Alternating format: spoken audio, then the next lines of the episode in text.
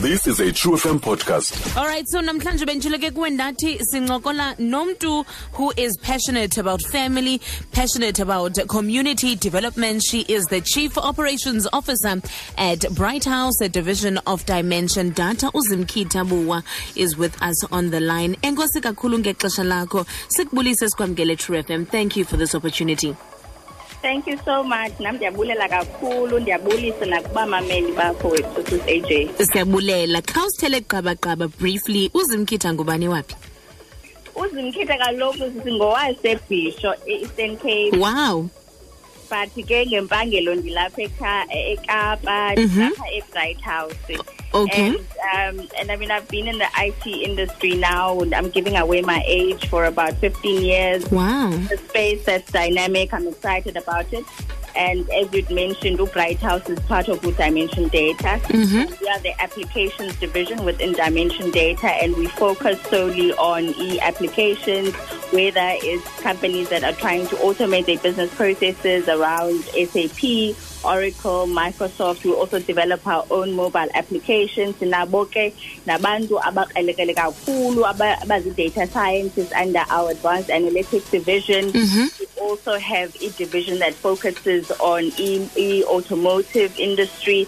So if ukhe wathenga imoto chances are into yoba loo moto ithengwe i-system esiyakhe ngokwethu. Wow. So, in a nutshell, go to I'm the COO of Britehouse, which means that I work very closely with our CEO driving strategic initiatives with it. Mm. You know, still women are not considering IT um, in 2018 as much as you think that they would, given the fact that iyagxineniswa okokubana ngaba singenza nantoni na njengogxa bethu who are male. Ingaba mhlawumbi ungathi wena wena mntu okwi-industry yintoni ebangela into yobana ngaba um women black women in in particular bangangeni in their numbers in the IT industry okanye bangarepresenteki in their numbers in the IT industry Um, I think in Zulu, wethu le nto ye-IT industry, because it's been largely a male-dominated space. And I think solely because as abantu abamnyama mphofu mna ndi- ndithethela nakum i-perception and also even the, the people that you see being represented is always a male figure. So although that's changing currently, in the past it's largely been a very male-dominated space. So I think it's also now very important for women to stand up and and basically tell our stories. I mean, I'm like I was saying, I've been in the industry for 15 years, but the one thing that I've always said is that we need to send the elevator back down. We've got stories to tell, we've got experiences, and so we need to give back. So we need to mentor, and I think that's happening quite a lot right now. So even with, um, you know, the MTN a few uh, weeks ago, they were celebrating women in ICT. There was another organization that um, issued a list of the top 50 inspiring women in the ICT space, and luckily I was one of them. But there are so many initiatives now that are solely geared towards letting um, young women know that there are successful women in these spaces and um, people can do anything that they put their minds to. So I think the stories are, are out there, and it's such opportunities that you've now even created, where I can tell young black women that Sikona, we are represented, we are here, and we've paved the way for you. So there's so many opportunities. There's hackathons. There's um, uh, NGOs or non-profit organizations that solely exist so that young black women can have opportunities in these spaces. So I think Abandu must just, um, you know, have access to opportunities. They and, and I can also leave my uh, my contact details so that they can contact me directly. But the corner opportunities, and um, Yan is just about grabbing them and running with um, with those opportunities. Okay, so you are also very passionate about family and community development. Um, enye does not suffer ngenxa into yobana ujonge kakhulu kwenye as a woman. It's very important for that balance. How do you manage? Ooh, I and I was hoping that you wouldn't ask me that. Hayi ke sorry. Well, i- i- i- balance yinto that um, you struggle with every day. but i think the reality is that xa uzawusebenzela ikhampani you need to choose ikhampani yakho very very wisely mm. Because for example apha kwa-dimension data nakwa-britehouse one of the things that we always tell abantu is that you know family comes first ewe zikhona ii-stresses zomsebenzi the ii-project deadlines but at the end of the day ibalulekile even now um, with my role i travel up to egautini but the ceo yam always says to me them you need to travel only when it's absolutely required because mm. you understand the family. Mm. So that's that's the first thing. Um, choose very carefully who you decide to, to engage with in terms of the career yakho. And then secondly, I mean, ndingumama ndingumfazi so even choosing a partner, choose wisely because yes. a partner, mm-hmm. a partner that will accelerate, um, you know, dreams and will support you no matter what. so even like xa funeka ndihambile utata kayakhani nguyophekayo he hands mm. on and then also explain to abantwana because ndinonyana una-eight years uyakhani uhamba nam kuzo zonke ezi events ndihamba kuzo so that azobona into yoba umamakhe wenza ntoni. And and so even like xa ndihambile i-question yakhe is always mama how was your meeting? Mm. How many people did you speak to today? Yeah, but mm. so, so I think a combination of that, and, and obviously, support system yako is absolutely critical. I've got cheerleaders, e, e, mentors, abantu that I can call and say, hey, namhlanje manje bendixakwe into ethile.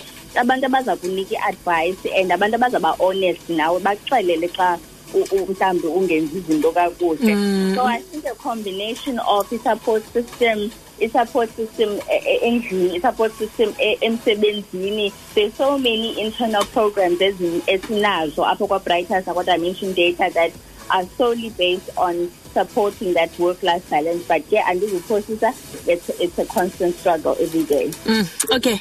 So now as a leader as well as being a woman um ungathi okokubana ifuna iposition phofu yokukhokhela abantu ifuna umuntu ongumama onjani especially towards other women in your in your space I think a problem sometimes esibanayo thina especially when we enter these technical areas is that mm. sifuna uzijika uyaqonda mm. siyeke uba caring siyeke uba ne-empathy siyeke ukhathala njengoba sikhathala as abantu abangabafazi as women we are natural nurturers now, when you lead innovation teams, you, there's a, a, certain element of collaboration and a certain element of empathy that one needs to have. As izinto izinto eziza naturally mm. as, as umama. Mm. So the very same qualities that make you a successful mother and a successful parent are the very same qualities that you need to bring into the boardroom. And about even nabantu that I lead na ndingene rumini, I hug everyone, I ask into babanjani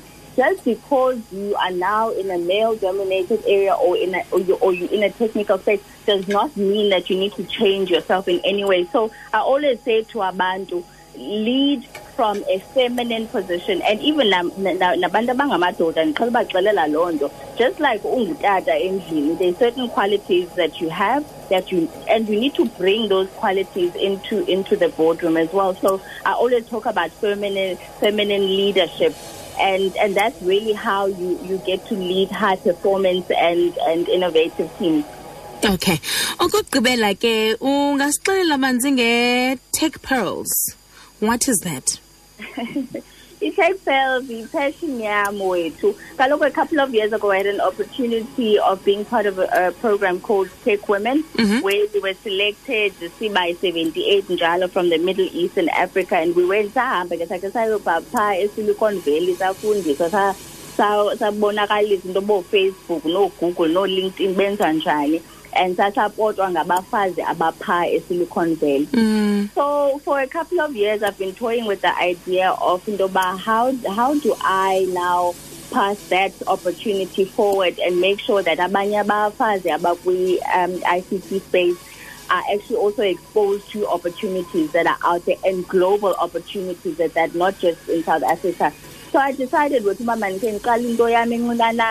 which is just a blog where I post and, and some people also assist me with uh, posting EE global opportunities, whether it's scholarships, whether it's conferences, scholarships for conferences, or, or anything that's global that, that people from South Africa or anywhere in the country can can tap into. Oh. So, so if you follow eTech Pearls on Twitter or follow eTech Pearls on Facebook, you'll get to see all the global opportunities that are available for women out there. And this space is exciting, it's accessible, and, uh, and there are so many opportunities for young women out there.